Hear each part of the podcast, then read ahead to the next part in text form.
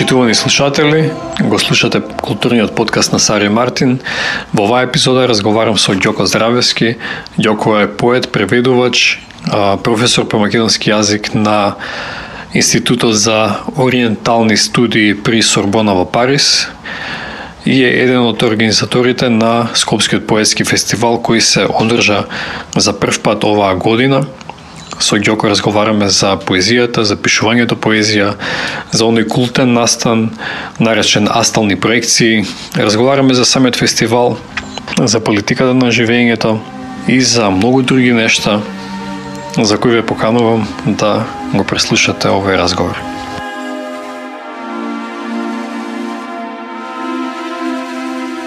Благодарам што ме покани и драго ми е што и во ваков формат сега разговараме Да, колку што знам, јас Скопје немало поетски фестивал. До сега, постојат денови на липите што ги организираат Друштвото на писателите на Македонија, меѓутоа тоа не фигурира како фестивал, тоа е еден ден манифестација, еднодневна манифестација, така што ова е веројатно, ние барем така знаеме, до сега никој не, не е спомнал нешто поинако, дека некогаш имало предходно во Скопје фестивал. Ова е прв пат да направиме поетски фестивал и тоа ни беше и идејата, нема фестивал, ајде да го направиме ние луѓе со повеќе слободно време, со повеќе со вишок ентузијазам и со блага некаква Дон Кихотовска налудничавост. Знаеш дека и си бил, си присуствувал на сталните проекции што ги правевме во Менада. Сигурно. Така што оваа приказна со поетскиот фестивал има е, е практично спој на две приказни бидејќи ова го зборувам веќе некое време на, на интервјуа, па некако ми се кристализираат и одговориве. Кога завршивме со асталните проекции пред неколку години, со Ана си рековме толку е со асталните, по 4 години, по 40 епизоди, нема веќе да правиме. Следно нешто што сакаме да го направиме е фестивал. Кажи ми нешто повеќе во врска со астални проекции, а, како се случи тоа бидејќи јас сметам дека е ова еден маркантен настан од културата што според моите импресии не беше нешто посебно а, промовиран или па истакнат, се се случи така спонтано. Да, спонтано се случи. Тоа е 2014-та, на средината на 2014-та, јас тогаш уште живеев во Белград, ама бев некако со ниет да се вратам во Скопје и во Белград има е, поетски настан, односно не е тоа поетски, тоа е книжевен настан, бидејќи не е само поезија, доминантно е поезија, меѓутоа се чита и проза, односно се чита што сакаш практично. Тука има и музика жива и така натаму. Другари мои, АРГХ поезија се вика Кајнев. јас само им го презадов концептот, а тоа е три круга, два круга се чита нешто свое, во третиот круг се чита нешто од омирен автор. И на една седенка во, во Дебармало, кафанска седенка, и го предложив ова на Ана и направивме пробни астални практично летото од 2014 во јуни месец. Јас заминував за Индија на, на долго патување, на тримесечно патување и се зезавме денек, ај ако не се вратам, да оставам некаков аманет, тоа беше шега нормално. Ги направивме тие пробни астални во јуни И потоа кога се вратив, беа успешни, односно беа собравме луѓе, се собравме ние, што сме си блиски, пријатели 12 луѓе, читавме, публиката беа пак наши луѓе, единствената реклама беше Facebook, направивме ивент, и тоа помина како што помина, мислам дека помина супер. Кога се вратив јас, по летото, Во септември ги направивме вторите и потоа затеравме баш така, значи спонтано, без никакви подготовки, без без никаква финансиска поддршка, ние практично немавме никаков буџет. Единствено ни помага Менада што ни го отстапува просторот. И потоа само по себе се приклучува луѓе кон кон тој настан. Едноставно по неколку години добивме и, и Вистер Калез на маса, тој бендот што ни свираше, предходно имавме диджеј. Луѓето едноставно препознаваа дека правиме нешто зашто што ни е кеф и тие сакаат да бидат од дел од тој кеф, со својот кеф, со свој мерак да, да се приклучат. И тоа траеше 4 години, нормално си имаше своја кулминација, потоа почна малку да паѓа интензитетот и последната година некако видовме дека дека некако работите малку почнуваат да да стануваат да се повторуваат. Да. Си го, си го, си го одживеа својот животен Па век. да, својот животен на, век. но знак, добар знак за тоа што еден културен настан може да го направи за за поголема група луѓе е кога луѓето се поттикнати да учествуваат и да и да го хранат. А јас мислам на, на тие неколку настани а, на кои присуствував, имаше таму имаше гужва, значи тоа беше доста популарен беше. настан. Полно беше. Имаше имаше стварно фантастични вечери. Имаше и вечери што беа послаби, послабо посетени, послаби и по по Не се погодило интерпретација, не се времето, погодило времето или не а, се погодило луѓето или имало фонија, многу сме имали технички проблеми, ама имало фантастични вечери кога сме имале учесници фантастични, публика фантастична, било навистина прекрасно. И да, беше преполно, затоа што тоа траеше долго, тоа беше целовечерен настан. Почнуваше во 8, траеше до 12 и тоа беше врв улица, луѓе доаѓаа и си одеа, знаеш како беше менада. Да. Тераса, па ќе отиде некој до лакања, па ќе се врати, па ќе отиде во Рио, ќе седне на кебапчиња, па ќе дојде на трети круг.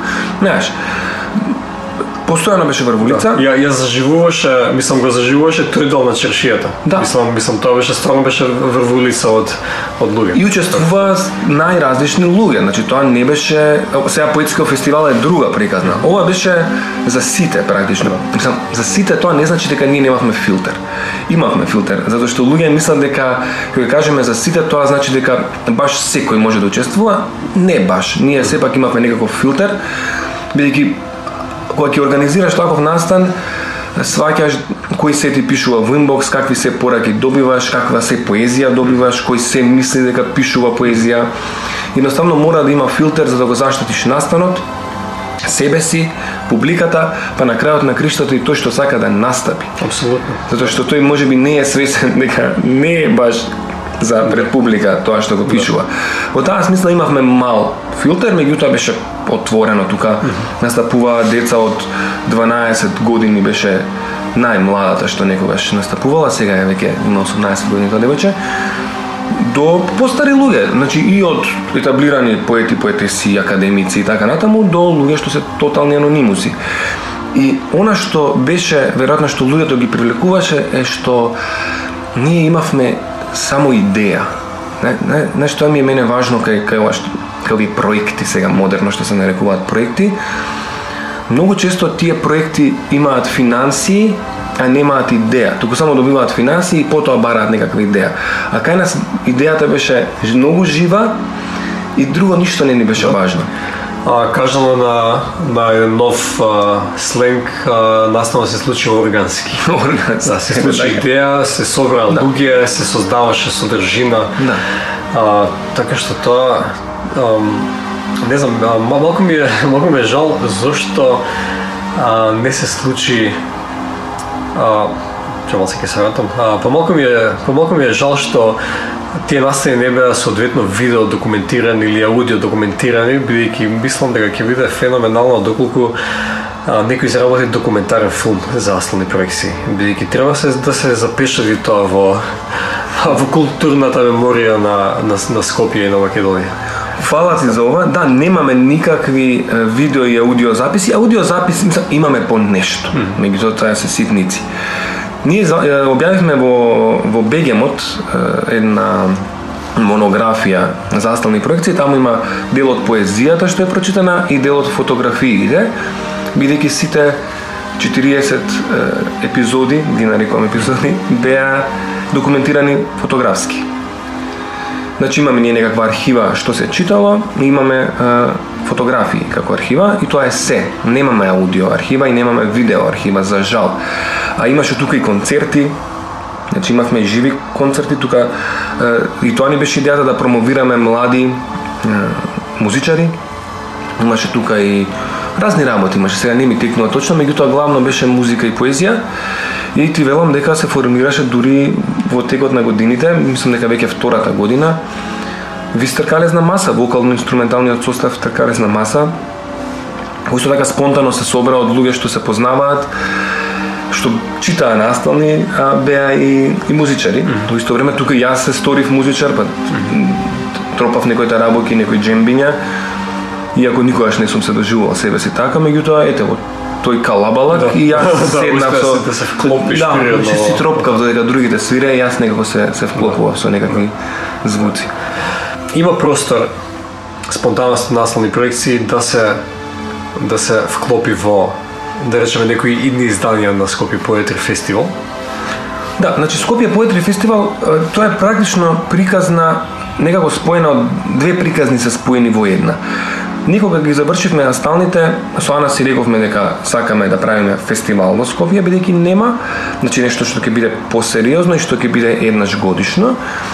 И од друга страна, Јулијана Величковска од Поетска ног Велестово, од издавачката куќа Поетска ног Велестово и од фестивалот во Велестово, и, и таа да ти имала идеја за, за фестивал. Ние се знаеме со Јуле, сме, сме сам си комуницираме на професионално ниво со издавање, со превод и така натаму, меѓутоа јас не знаев дека и таа има идеја за, за фестивал. И пред две години, така некако, кога работев јас како библиотекар на катедрата за македонски јазик, Јули имаше нешто работа на факултет и ми дојде на кафе во библиотека и тука го отворивме муаветот и тука свативме, таа свати дека и јас и Јана имаме идеја и јас сватив дека таа има идеја. Јули има огромно искуство со организирање фестивали. Го организира поетска Нови Велестово веќе 13-14 години. Фантастично ги познава начините на кои што се организира фестивал, бидејќи Ана и јас не го знаеме тоа, едноставно ние само сме Астал ни беа сцена, немаше тука никакви финанси, немаше никаква структура, ништо немаше од тоа, не требаше да сместиш гости, не требаше да бараш фондови, не требаше да повикуваш медиуми, ништо од тоа не знаеме. Јуле го знае сето тоа. Од друга страна имаме бидејќи сме шедале по фестивали европски и светски, главно европски, до душа, познаваме луѓе врвни поетски имиња од од светот и од Европа повторно пред се. Значи можеме да го направиме фестивалот да биде меѓународен. И некако таа спонтаност настални со оваа сериозност на организирање поетски фестивал, идејата ни е да се спојат и да направиме нешто што ќе биде помеѓу стручки вечери на поезијата, сега зборувам фигуративно, не баш Да, буквално, фигуративно, да, и смислено, астални да. проекции. Значи нешто што ќе биде лабаво како астални, меѓутоа сепак ќе биде ќе има намера да стане светски Ќе фестивал. се изгради свој реноме. Ќе изгради свој реноме со сериозен пристап, со сериозна организација, значи не, не шалабајзерски, не, не паушално, туку знаеме точно што правиме. Точно. Имаме екипа, имаме човек за пиар, значи имаме новинар во екипата, имаме сниматели, имаме ние сме во групата во групата сме шест души. Во она јадрото на, на фестивалот сме шест луѓе, меѓутоа потоа тоа јадро од шест луѓе се шири понатаму.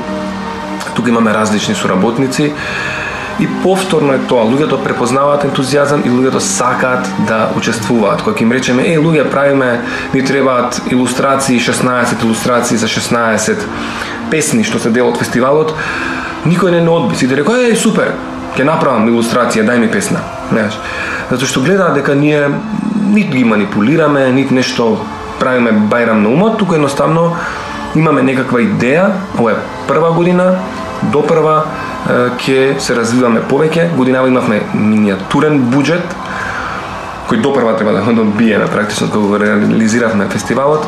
Че не добивме поддршка освен од град Скопје, половина од тоа што побаравме, друго се беше е, луѓе пријатели. Да, ми, ми остави, ми остави особен впечаток тоа што а, не се ефте со скрстени раце, туку а, на начин како да се самофинансирате. Го, го подпомогнав фестивалот со, со едно мало символично учество со тоа што купив беч. Така, можеш, беџот. можеш да ни кажеш нешто во врска со тоа. Да. И, и дали беше тоа успешно, дали дали а, дали тоа само финансирање ви помогна реално да а, да покриете дел од трошоците? повеќе од вака. Прво е, е, дел од гостите не дојдоа, бидејќи пред фестивалот повторно дојде новиот бран на ковидот. Да. Македонија влезе во таа некоја која и да е зона тогаш не беше се уште црна зона, беше некоја друга боја, не важно. Да имаше задише, но повторно се се се вратија Да, делот, дел, така е, дел од учесниците странски не дојдоа, бидејќи се плаша не само дека ќе се разбоат, туку дека нема да може да се вратат во своите да. земји, дека ќе останат тука заглавени, така што дел од нив, како и досега во ковидот, пратија или снимки, предходно снимени, односно сите пратија снимени снимки, никој немавме на Zoom во живо да го да го вклучуваме, меѓутоа Ким Симонсен од Тварски острови, на пример, во, во на Zoom го одржа предавањето што требаше да го одржи тука во живо, мастер класот за студенти и за средношколци. Дојде од странските гости, дојде само Марија Дејановиќ физички беше присутна, од Хрватска, таа живее во Грција, така што тука ни, олес, ни се олесни работата со трошоците во однос на сместувањето и во однос на авионските карти. Иако авионските карти беа делумно финансирани од владите на, на, на, на, на учесниците, зависно од државата од која доаѓа, но ни помогна Глигор Кузмановски со беџовите, помогна тука со бележниците, на пример, доста бележници се продадоа, тука имавме некаков е, ќар што покривме е, определени е, дел од буџетот, но најважно е дека луѓе учествуваа без пари. Значи, луѓе учествуваа без хонорар. Музичарите учествуваа без хонорар. Ние немавме хонорар. Илустраторите се беше тоа без хонорар, се беше пробоно. Тоа е она што го прави чудото, како може да се направи без пари нешто. И без пари направија плакат, без пари направија видео, без пари направија лого. Сите тие луѓе ни помогнаа без пари, едноставно. и сега нив ние ќе ги имаме на ум за следните години, кога ќе кога ќе имаме пари да им платиме, сега пак ќе ги повикаме истите луѓе. Сега, сега. Да го направат. Волшебно е кога ќе се кога човек е посведочи на таква синергија на а, на индивидуални заложби да се создаде едно заедничко добро и тој се случи со Скопје Поетри фестивалот многу успешно. Ба, се е базирано на доверба. Да.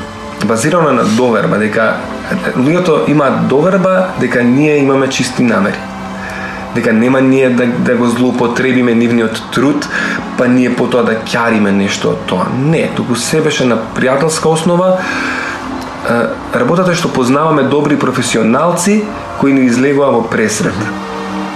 И морам да кажам дека огромна огромна помош е Младинскиот културен центар, бидејќи Тоа е под град Скопје, тоа е државна институција која ти обезбедува се, практично не мора да плаќаш ни озвучување, не мора да плаќаш ни простор, значи тоа го добиваш без да. пари, да, практично платото, ги имавте туалетите на располагање така. и осветлување и така натаму. Сцената комплетно, целата сцена имавме бесплатно и ги имавме луѓето од МКЦ бесплатно, односно тие си работат за плата. Да. Озвучување, се што беше потребно, тимот на МКЦ ни помогна, така што Ете пак можело без пари да се направи нешто со миниатурен а, буџет, меѓутоа идејата ни е сепак в година и понатаму да растеме како фестивал, да биде да биде и повеќе денови тој фестивал и да има и повеќе учесници од странство, да, да станеме сериозен фестивал и единствен предуслов ни е квалитетот, односно да не да не калкулираме. Јас кога ќе речам квалитет, може некој да рече е па сега ти што е тоа квалитет, нели? Као кој е квалитетен? Да не калкулираме со тоа, да нема нати го дај ми го, да нема ќе го повикам овој да гостува поради некоја друга причина, mm -hmm. поради некоја задна намера, mm -hmm. за да ме покани тој мене на фестивал. Mm -hmm. Или за да нешто некако да некоја лаж вериш да направиме. Не туку да нема таков тип на калкулации. Каниш некого бидејќи објавил тази книга, бидејќи е врвен таа година е на врвот во својата држава, бидејќи ти е чест да го поканиш тој човек да ти гостува на фестивалот.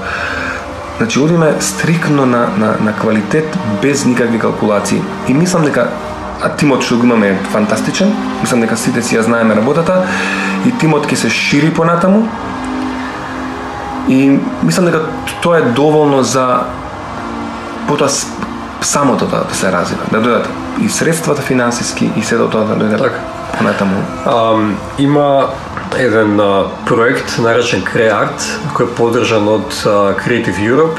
Uh, се работи за мрежа од речи си 40 градови низ Европа. Се работи за, за средни и помали градови И во една студија што е поврзана со со оваа мрежа, станува збор за за како настани од културата создаваат социјална раздвиженост, но и економска придобивка за, за местата каде што се одржуваат.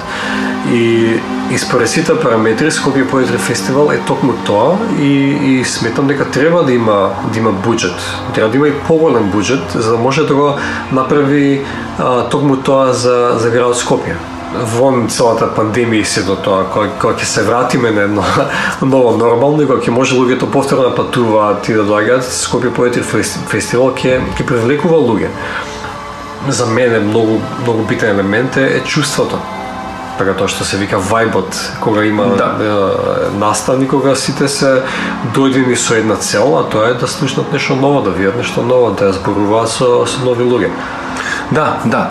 Имаме имаме доста идеи што оваа година не ги реализиравме што поради пандемијата и поради тоа што влеговме во некаква зипувана програма, но и поради тоа што имавме 10% од замислениот буџет. Ние кога предложивме програмата, точно се знаеше кога ни е буџетот и зошто ни, ни се потребни тие средства. Успеавме да реализираме зипувана програма со 10% од тој буџет. Кога би имале буџет како што планираме да имаме, а тоа не не се тоа големи пари, значи не треба фестивалот не бара некакви кој знае какви средства, се прави тоа со неколку илјади евра се прави пристоен фестивал кој потоа би растел и потоа би си само финансирал и потоа би барал ние не би барале само средства од државата, туку би барале би, би, би комуницирали со други фестивали, веќе стапивме во оставанивме со соработка со со филмски фестивал од Србија на пример. Значи сакаме да да има тука синергија на на повеќе уметности, нема да биде само поезија.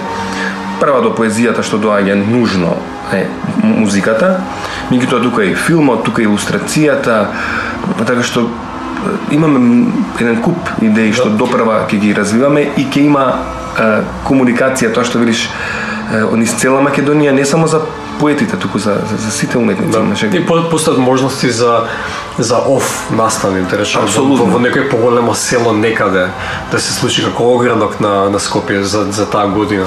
А, вашата креативност а, дојде до израз со, со самата програма, каде што освен поетите, а, има, имаше и, и како што спомна, еден вид на работилница, имаше и спој помеѓу поезија и филм, една интерактивност помеѓу а, различни дисциплини. И, и тоа тоа мене ме воодушеви што што не беше класичен поетски фестивал само со читање што секако дека нема ништо погрешно во врска со тоа, но ова им понуди повеќе на и по, понуди повеќе на, на публиката. А, и како што ја помена дека дека ќе има и следствено на тоа идните едиции на фестивалот ќе ќе понудат и, и, и, и нешто мислам ќе продолжат во, во тој стил. А, ме интересира во врска со работелницата, со а, со поетот од Фарските острови. А, зашто зашто стана збор? Би сакал да слушнат слушателите и кој беше интересот од страна на публиката? Да, Ким Симонсен, Ким Симонсен е од Фарски острови поет, меѓутоа тој предава во Амстердам. Уф, тоа беше на, на доста модерно видување на, на, на поезијата и тоа тебе би те интересирало бидејќи беше поврзано со екологијата, со начинот на кој што ја доживуваме односот наш со планетата Земја, Тука стана збор малку и за, и за ковидот како актуелна тема, односот на его наспроти еко,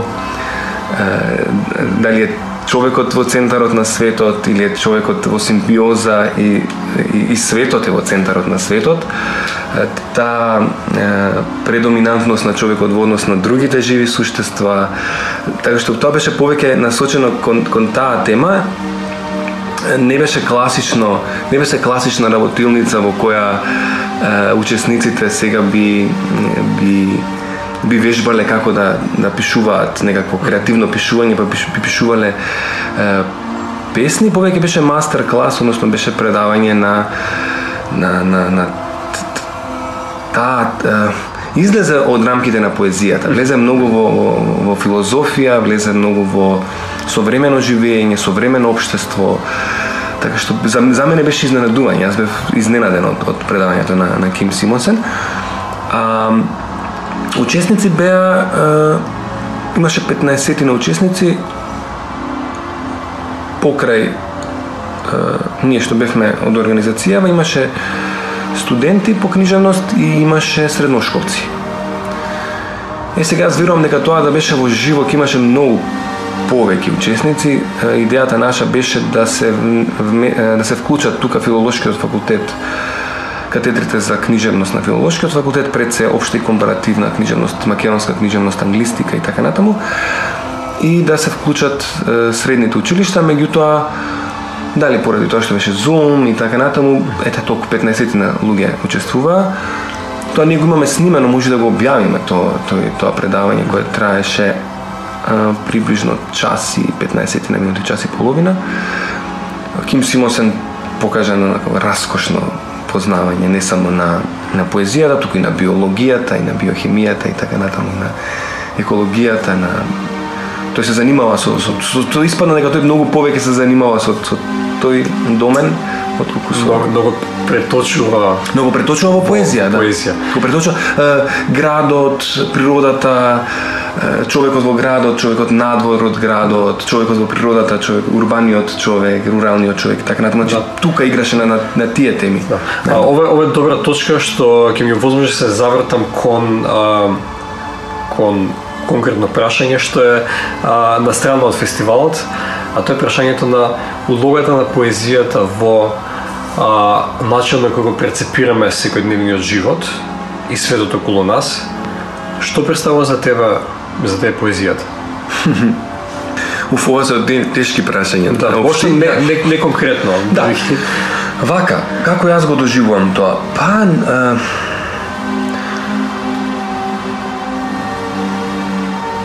тој што пишува поезија, човекот што пишува поезија би требало некако да да биде одвоен од она што се случува во мигот на пишување и да го да го опишува тоа што го гледа некако одстрана. Бидејќи мислам дека само кога си одстрана можеш да го коментираш тоа што се случува, бидејќи кога си внатре во процесот, кога си внатре во филмот, тогаш си лик во филмот. Тогаш не знаеш баш што се случува во приказната. Така што во, во таа смисла за мене а, добра поезија е онаа поезија што коментира посматрајки го одстрана проблемот. Тогаш мислам дека може да се види приказната и она што се случува и да се видат да се лоцираат проблемите бидејќи мислам дека е многу важно а, улогата на, на поетот би требало да, да, да биде а, да, да го опише она што го гледа со цел тоа да стане подобро и да се промени. Сега тука не сакам да влегувам, обично влегувам во тоа а, во темите на на на свеста, со каква свест се гледа тоа, колку колку се излегува тие некои его трипови, колку сме ние заглавени во тие своји лични его трипови. Мислам дека улогата на поезијата е да да гледа одстрана и одстрана да да да дава некакви сугестии за тоа што се случува во смисла на критика, но не на онаа критика која се храни потоа самата себе си од, од, од самата критика, туку туку е, критика што е ослободена од сама себе, критика што не бара за возврат некаква е, некакво е,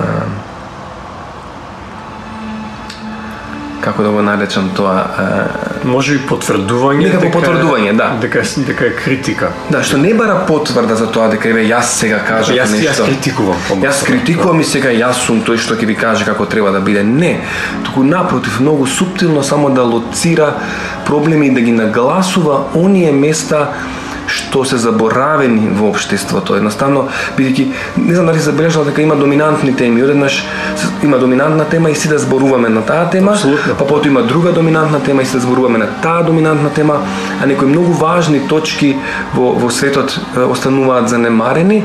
Е мислам дека поезијата треба да се занимава баш со тие замаглени места, со тоа што е намерно или ненамерно занемарено во општеството, дека тоа треба да го потенцира и тоа треба да го да го нагласи, да го да им го да го покаже некако во да го осветли во јавноста. Да. А ова беше исцрпен одговор, но но поентата е лоцирана а, со сосема на на место.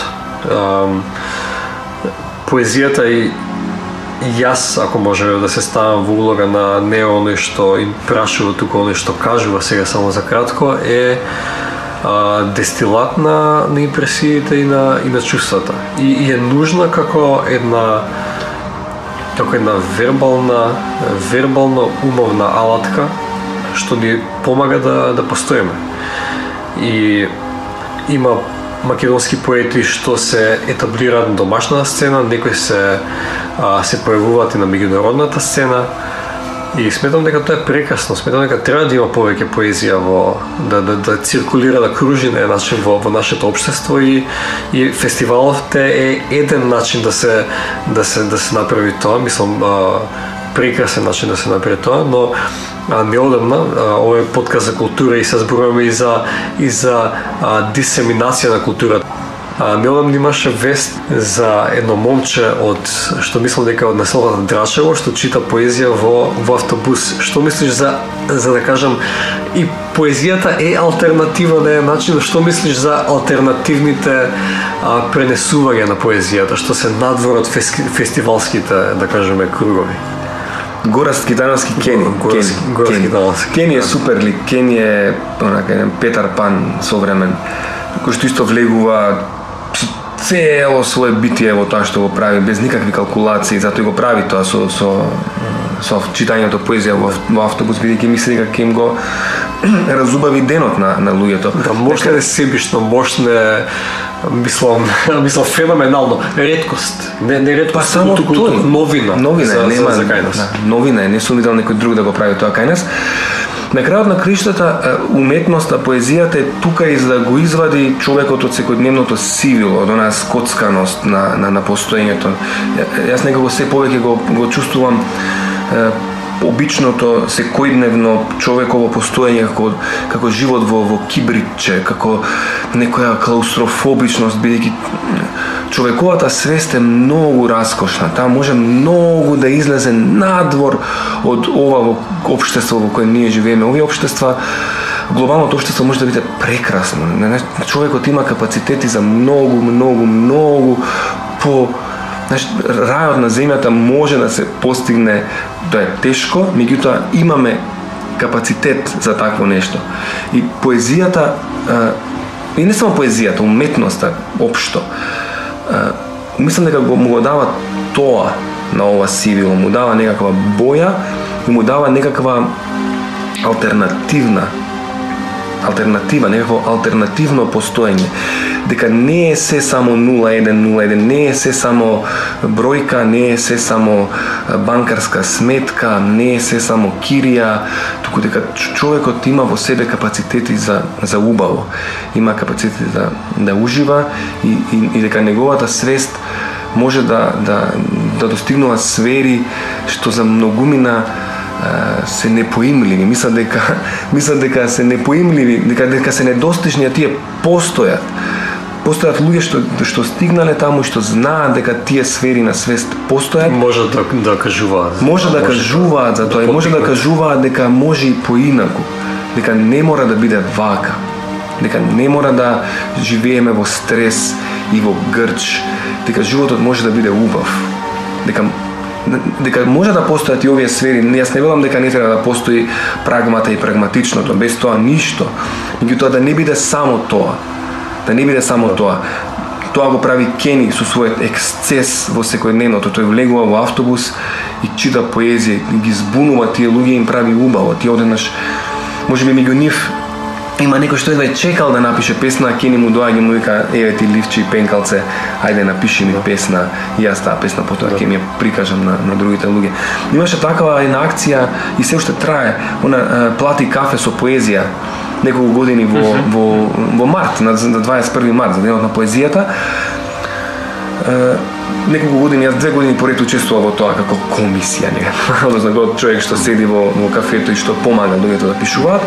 И тоа е фантастично, доаѓаат луѓе што што имаат што сакаат да пишуваат, а а немаат храброст или немаат амин од официјалните власти во поезијата кои велат ова е поезија, ова не е поезија, јас сум поет, а ти не си поет. Тоа беше разбивањето на на на тој концепт со осталите проекции кој е поет, а кој не е поет.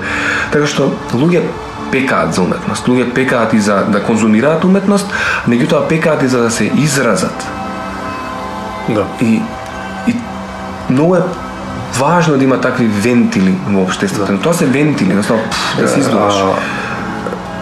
спомна спомна кибричиња, спомна една закушеност на а, што постои во општеството поради а, бројки, рокови, а, кредити, а, време и, и, и, и се, и се останато. Мислам, и, и, и преси ам, други луѓе, да не набројам понатаму, а, од една страна. Од друга страна го имаме ова, за што говореше до сега. Геме луѓето како, како Кени. Геме луѓето што учествуваат на поески собери. И тоа ме доведува до прашањето на културната политика на една земја или пак на еден град еве од ова што го а, кажавме до сега, што го кажа ти до сега, за што може да направи поезијата за, за една индивидуа и на тој начин да се разложи тоа низ целото општество. А, каква треба да биде културната политика на нашава земја, да може поголем број на луѓе да го дофатат тој плод, да видат дека освен фабриката и освен а, цифрите и освен банките и освен сето тоа и освен а, тој еден нагон за некои луѓе да се докажуваат или па да возат големи возила или по друга страна луѓето што немаат големи возила па а, па и тоа создава некакви импресии на инфериорност и така натаму нели? Што може да направи а, државната политика во однос на културата а за да дојде до едно до една нова културна преобразба на, на, на свеста на, на жителите? Па прво потребно е да ја смениме таа негативна селекција со позитивна селекција. Значи, треба да, да дојдат на позиции луѓе што на вистина се за тие позиции, а не да бидат бирани по негативна селекција затоа што ќе му служат на тој што ги избрал, а не на, односно на тој што ги поставил на местото, а не на, на народот. Кога би имало соодветни луѓе во тие министерства за култура, градски, државни, регионални, какви да се, сите тие културни центри и така натаму, бидејќи државата е на некој начин мецена, таа та, та, та, та финансира, таа та регулира и така натаму. И кога тогаш тие луѓе би селектирале соодветни уметници, односно би форсирале на вистина луѓе што се гениалци, бидејќи ги има такви. Мислам, ние ги препознаваме. Во поезијата, во еснав во поезија, не можам да зборувам за другите еснафи, меѓутоа во еснав во поезија, ние точно знаеме кој колку го бидува горе-долу, односно кој колку манипулира, знаеме кој пере пари, знаеме кој прави нешто за да закрпи, да. а кој на вистина го прави тоа, затоа што го, го прави тоа. И едноставно само треба да се препознаат тие луѓе. Тоа е многу едноставно, а многу е тешко. Повторно доаѓаме до до свеста, повторно доаѓаме до тоа дали сме свесни дека правиме нешто, дека сме дека не правиме, дека кога правиме за себе, правиме и за другите, дека кога правиме за другите, правиме и за себе. Тоа е она его, еко. Тоа е она дека дека дека сме сите само фрагмент, фракталче од целото, дека ако ти е тебе лошо и мене ми е лошо, ако ти е тебе убаво и мене ми е убаво.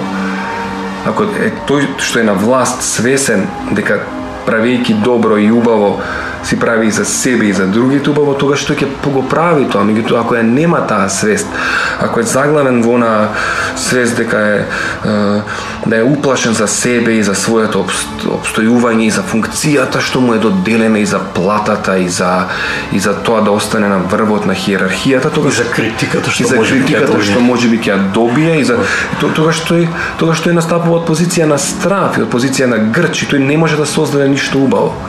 Тој може да создаде убаво само човек што е ослободен од тој грч и од тој страф и од, и од стресот во кој што живее тогаш ќе создадеме е, општество ослободено од грч и од стрес и од страф. Меѓутоа, нашата власт овие 30 години е многу далеко од ова што ти и јас сега го, го заговараме и го, го, го разговараме. Мислам дека или еволутивно ќе треба многу време да дојде за да се сменат луѓево, да се сменат генерации, да дојдат нови деца, тие што сега се деца да пораснат, па да дојдат со некакви нови вредности во, во, во своите во своето постоење. Или ќе дојде некако нагло тоа ќе се смени со некакви веројатно веројатно краткиот пат би пат а, до до таа посекувана цел би бил а, луѓето да бидат вистините со самите себе пред да се нафатат на било што да бидат вистинити, брутално искрени со самите себе и да носат паметни одлуки. Е сега да те прашам во врска со така општата посетеност на културните настани а, во Македонија и за присуството на култура за консумција, за перцепирање, за искусување и во другите градови на земјата. Како како може да дојде до до поголема свесност, поголемо разбирање за поезијата? Да не се смета поезијата, има една една кажеме нели не, не пишана стигма дека дека не, не, не, не секој може да да поима поезија поезија за, за елитата или по поезијата за елитата за оние што не знам не мора да работа за живот и така натаму. Ке ќе те прашам вака дали образовниот систем во, во ретроспектива на, на, на твоето а, искуство во образованието а, некаде киксира во однос на поезијата? Па не само во поезијата, Мартин, мислам дека образованиот систем киксира од самиот старт. Мислам дека од прво гледај во коренот киксира. Значи, ние мислиме, ние мислиме дека киксира при крајот, а всушност киксира на почетокот. Киксира во уште во градинка, киксира во, во првите е, одделенија во основното училиште, се сеќаваш ние како сме имале, што сме имале, колку сме имале уметност во, во, во основно училиште, или физичка култура, или музичко, или ликовно, секогаш било тоа за мене то немаме време за ова, сега имаме уште малку да порешаваме математика задачи. Е, така што тоа е цел еден систем, не знам од каде треба да се почне. Веројатно треба треба да се создадат кадри што ќе почнат тоа да го лечат од почеток. Значи, кадри што ќе се создадат на високото образование, што ќе работат во предшколската возраст, кадри што ќе бидат квалитетни, што ќе работат во, во, во основните училишта и потоа дека тоа да се развива постепено, па да добиваме соодветни кадри во средното, во средно образование и повторно да со таа негативна и позитивна селекција што го зборував предходно да се добијат подобри кадри во високите образ... во високото образование, бидејќи јас бев дел од тоа високо образование овде, иако некако предавач, меѓутоа сум бил предавач во, во, во Србија, повторно таа негативна селекција. Професорот не го бира најдобриот. Професорот го бира тој што ќе му биде подчинет. И од таа стартна позиција не можеме да очекуваме напредок. Можеме да очекуваме само полошо и полошо, бидејќи ако бираш посла под себе и тој ќе избере посла под себе и тој ќе избере посла под себе и одиме само кон кон регрес, кон полошо и полошо. Значи, премногу е компликувана, премногу е заплеткана работата во образованието да, кај нас. И тука и тука веќе доаѓа прашањето дали дали оној што не дали оној, мислам да ова ова се сведува на личност и на личности, но е но е системско прашање. Да речеме оние што регресирале неколку скалило на системот преку тоа одбирање на послави, послави, послави.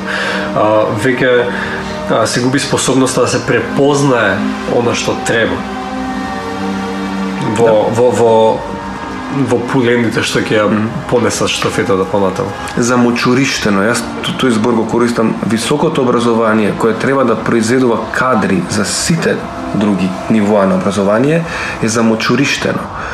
Значи, тоа е предумирање едноставно. Да. Тука треба да се случи нешто некое чудо за тоа да се смени. Зборувам за нашиот систем, балканскиот малтене, не знам како е на, на, на запад. Иако сега предавам и таму, mm -hmm. последниве две години, односно ова ми е втора година како предавам во Париз, меѓутоа не сум толку запознаен поради коронава, немав ни контакт толку ни со колегите и така натаму. Меѓутоа кај нас е тоа замочуриштено, едноставно веќе барем на филолошкиот факултет јас кај што работев едва и некако се мотивираат студенти да дојат да го запишат тоа. Замисли луѓе да не сакаат да студираат книжевност, да не сакаат да студираат нешто убаво.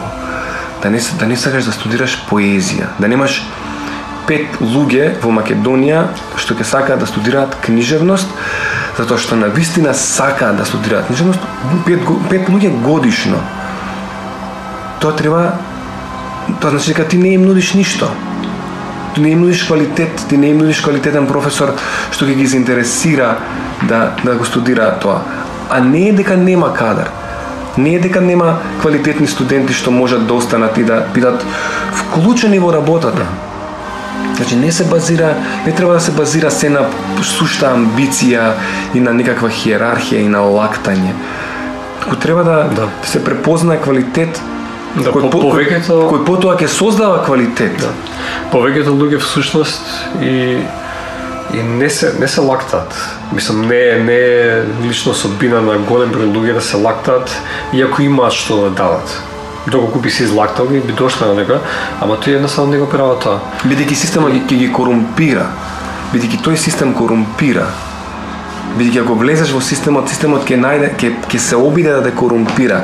Ако не успее да те искорумпира, ќе му бидеш трн во око и ќе ќе најде начин да се ослободи од тебе. Тоа е проблемот.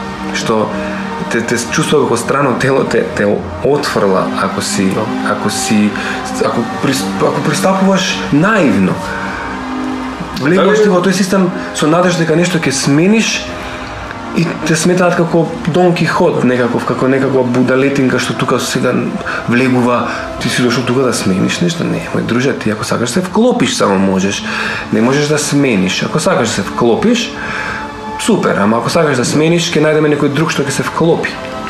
Да, а, веќе став, зборуваме за, за дуализмот на, на, на нештата, за а, подвоениот карактер на, а, на, на постоењето нели си има се си има своја спротивност. Mm -hmm. А, па така гледам и, и така и литературата, книжевноста, поезијата е како спротивност на а, наспроти системот што сака да ги прави сите овие работи што ги кажа се да корумпира и да те стави во некаков колосек за да можеш да бидеш а, едно да кажеме пилнче во таа да, во, во таа машина. Значи се работи за а, еве мене се ми се предочува ова дека дека колку и да звучи а, наивно, ама, ама поезијата, литературата, книжевноста а, се како еден а, а, воена спрега наспроти другото и со содржините што ги креираат и со тенденцијата што ја имаат да пренесуваат делчиња од убавото и од потенцијалната убавина што можеме да искусиме во животот, а тие се тие се во еден вид на во еден вид на тивка војна со а, со системот. Да, затоа што затоа што уметноста настојува да ослободи. и, и, тоа е суштината на уметноста, таа доаѓа и ослободува зашто уметникот, оно што е вистински уметник, што е во транс, што создава во транс, дали е тоа дали слика во транс или создава музика во транс или пишува текст во транс или значи тој тој не е во во обична состојба на постоење. Тој тој е во некаква алтернативна Егото, состојба. е, егото е на страна. Егото е настрана и тој некако А креацијата е чиста, од чистиот извор на... Извор. Јас така ја доживам уметноста. За мене само тоа е уметност. Се друго е калкулација. Чи- Чинот на создавање за мене е само во некаква состојба на транс каде што егото е трнато настрана и само некаква канализираш нешто од изворот. Се друго е калкулација. И сега таквата уметност ослободува би та т- и тоа е, е, ненаметливо, та безнамерно ослободува. Таа ослободува затоа што таква е. А не затоа што не затоа што настојува да да ослободи, туку едноставно таа е таква. И како таква може да биде злоупотребена, односно да биде да биде препознаена како таква и да биде биде некако опасност. Да, Многу има, често. има, има многу често се случувало а, државни служби да манипулираат со литера со со литерати, со автори, со со, со дури, дури со поети. Мислам, мислам не несвесно за за самите луѓе. Но но си има случај тоа има евидентирано поетеса од Австралија на чие име ќе се ќе се присетам наскоро, но, но тоа е случај. А, сакам да, Во овој контекст Да. да. прекинам во Југославија на пример книжевниците се дел од власта, тие се на, на врвот на, на општеството, што во капитализмот, во ова потрошувачко општество не е случај. Во, во Југославија, во, во Македонија како дел од Југославија, нашите поети, писатели беа бардови, ги учевме како Да. во читанките и така натаму, беа, беа дел од власта, беа... Сега не е веќе така. да Да. Уопшто, А, и, хранеле, а и хранеле одреден наратив што Апсолутно. а, што имало потреба да биде актуелен во тоа Да. време. Да. А, за оваа австралиска поет, а, поетеса што што спомнав пред малку се вика Дженифер Мейден и и а, конкретно зборува за во една незина поема а, зборува за Габриел Гарсија Маркес и како тој бил а, да кажеме изманипулирана страна на на одредени структури. а, но сакам а, да те прашам дали дали другата страна на оваа равенка на оваа сопоставеност треба да се плаши од ослободените умови и души, од поетите, од писателите, од уметниците. Па, Дали, дали, дали има потреба да се плаши? Бидејќи се бидејќи плаши, сакаат, а, и- извини, би- бидејќи они се свесни, државата, системот а, е свесен дека постои спротивставеност. Дали може да воочат дека дека тоа е можност за нив? Дека постои взаемна можност. Бидејќи системот ни помага. Системот го помага овој подкаст Да, да, да, да дојде од слушатели, да дојде може би до огромен број на луѓе потенцијално, благодарение на, на средства од системот. Но ние нудиме критика за системот, бидејќи сме, сме должни да го направиме тоа без лично никого да го анатемисуваме. А, па следствено на тоа прашањето, дали се, дали се плашат? Прашањето е зошто се плашат. Тие се плашат. Но зошто системот се плаши од ослободувањето? Зборот слобода веќе е еден од оние збори како љубов, што е прекумерно користен и што има има толку широко поле на значење што веќе престанува да, да, да значи, односно треба да, да се прецизира што точно се мисли кога се користи тој збор. Да, во, во коренот на зборот слово да го имаме зборот слово и да. Да го толкуваш? Така го да. толком слово и да, тоа е, а исто така и на француски либер те, liberty, значи пак е либер е книга. Така слово е слово. Да, имало и. А, давање на словото, значи, значи пак доаѓаме До до, знаење до, да. словото како како извор на а, на, на, на слободата. И и затоа се извинувам што те прекинав, но а, но сакам да кажам дека дека е мокен тој збор слобода и е поврзан со а, со зборовите. И е многу манипулиран. И, и е многу манипулиран, исто така. Да, Значи, прашањето е зошто се плашат? Што е тоа? Е, дали е овој систем поставен на некакви лажни основи, па сега оваа чиста свест што одеднаш пробива го руши тој систем поставен на лажни односи, на, на, на некаква на некакви первертирани односи, на, на некаква первертирана комуникација.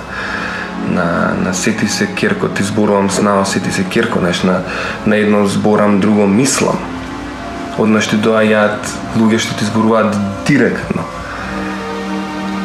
И јас не, не се прашувам дали се плаши, туку се прашувам зошто се плаши. Што е тоа што овој систем е, ќе изгуби, дали ќе се, ќе се урне самиот од себе, дали се плаши од собствената смрт, односно собственото воскресение, бидејќи тој тој секако и да се урне повторно ќе се ќе се препороди на, на можеби други луѓе ќе дојдат меѓу тоа е истиот систем. Тоа нема биде друг систем, тоа не е друга планета, тоа е тоа е истиот систем да, што па пак ќе бидеме тука. Истите луѓе ќе бидеме соседи. Истите луѓе, да. да.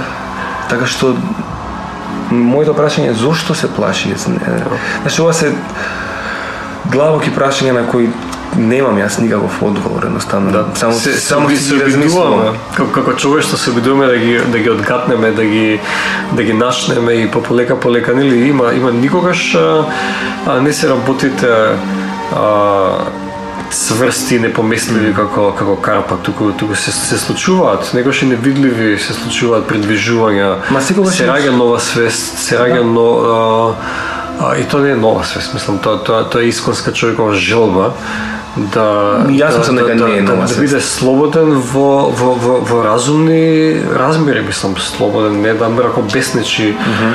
а, по светот, туку, а, туку да суштествува тоа што повеќето луѓе, мнозината од нас го, го посакуваат да суштествуваат, да може да се хранат, а, да, да се регенерираат, мислам, телото, нели, да има храна за сигурно, но да има и духовна храна за сигурно. Не можеме ние без, без духовна храна, без контекст, а, за животот во животот. Бидејќи гледам дека повеќето луѓе се без контекст, без една кол, колку и да а, а, помислата на ова можеби не е на место, но, но без рамка, да кажеме, или подлога, да кажеме подлога. Една подлога од каде што ќе можеме да станеме од ова место да погледнеме, од ова место да погледнеме, да погледнеме низ поезија, да погледнеме низ уметничко дело, да погледнеме низ книга, да погледнеме низ а, парче муавет што го правиме да духовна храна. Тоа е она што недостасува во, во, во, во огромен дел. Знаеш, луѓето се а, заглавени во телесното, заглавени се во сведени се на, на, на, на најбазично постоење, да се борат за, за да преживеат, да немаат да, да немаат каде да живеат, да, да немаат... Луѓето се, се борат да живеат и онака, а, но мислам дека дека се се плашат да живеат во борбата за живот има страв. Па стравот е доминантен. Тоа е тоа е доминантен една еден механизам. Стравот е доминантен ако ги стана, ако ги сопоставиме од едната страна љубовта како љубов не како романтична љубов, туку љубов како за мене љубовта е чиста свест, односно гледање на работите онакви какви што се, онака буддистички, випан, випасанистички. Mm -hmm да ги гледаме работите онакви какви што се, а до, да, да се стигне до тоа, треба многу работа со себе, треба сите тие магли пред нас што ни ги создаваат страстите, а ги имаме сите секојдневно, да се тргнат за да може да се види нештото како што е, значи без отпор кон тоа. Тоа е од едната страна, а од другата страна е стравот во кој што живееме, грчот и стресот во кој што постојано живееме и во кој што постојано сме на, ние сме нападнати од страв постојано. Постојано има политика на страв, постојано е плаши се од мене, плаши се од мене, плаши се од мене. Постојано војни, постојано некакви проблеми. Колку често гледаме во вестите убави вести. Многу ретко, така. Многу ретко. Многу ретко, тоа е некакво ќоше, некакво катче. Дори сега гледам дека се појавил некаков вестник во идов во парк добри вести. Позитивни вести. Позитивни вести, да, да, да, да, така, не знам како се точно меѓутоа тоа е маргина, во центарот на, на, на обштественото постоење стравот, се владее со страв.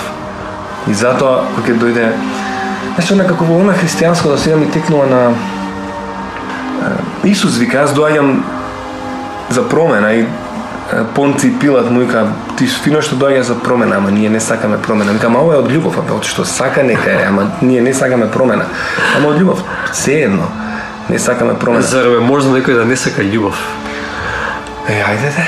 Ајде. Универзална љубов што ги храни сите луѓе. Е, ајде де. Знаеш, тоа се тие...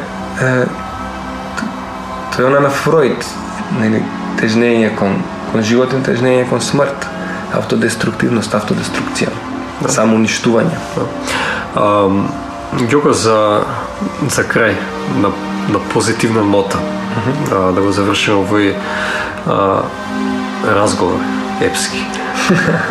се надевам дека не трабуњавме премногу дека не, дека не се раздржали. Се, се на место, ова е изворно.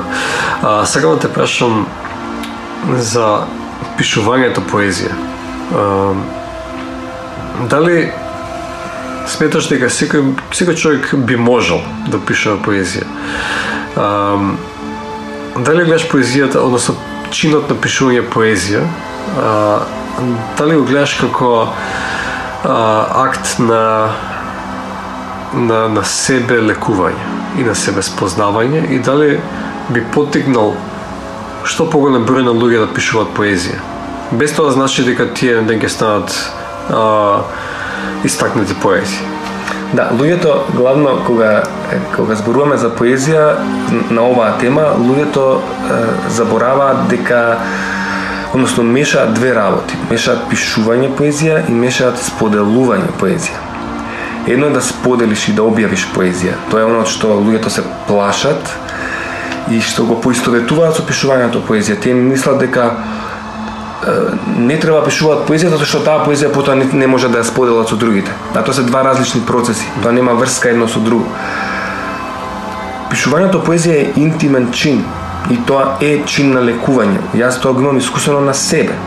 Значи, си имам телесно, телесна болка, имам излечено кај себе со пишување песна.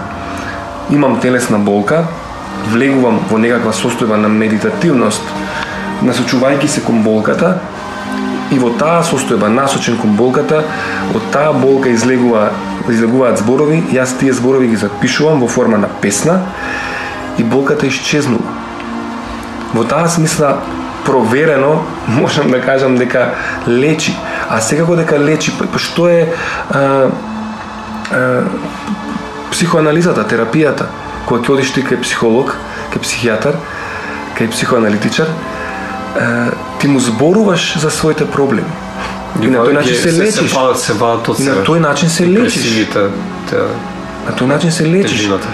За мене пишувањето поезија е соочување со мојот натрешен свет. Ставање некакви рамки на, на, на тој хаос што го имам натре во себе.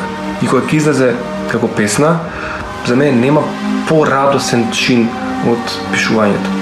Нема. И јас многу ретко пишувам многу ретко и кога ќе излезе нешто тоа е за мене најрадосен чин, сум пресреќен. После не може да не спијам, што сум радосен дека нешто такво се случило. Зборувам за е, и се повеќе така и пишувам, не ни пишувам поинаку за канализирање. Едноставно кога на вистина имам потреба да пишувам. Во таа смисла, а, секој што има потреба да пишува апсолутно треба да пишува. Тоа нема врска со споделувањето со другиот свет. Не мора да се сподели напишаното. Може да стои да бидат дневнички запис, тоа нема потреба да се луѓето сакаат да бидат гениални, тие сакаат да бидат да бидат признаени како како врвни поети, како врвни уметници, како нели или како личности. Или како личности на крајот на криштата. А веројатно тука е таа и кочницата што ги спречува да, да направат нешто гениално. Некако така веројатно.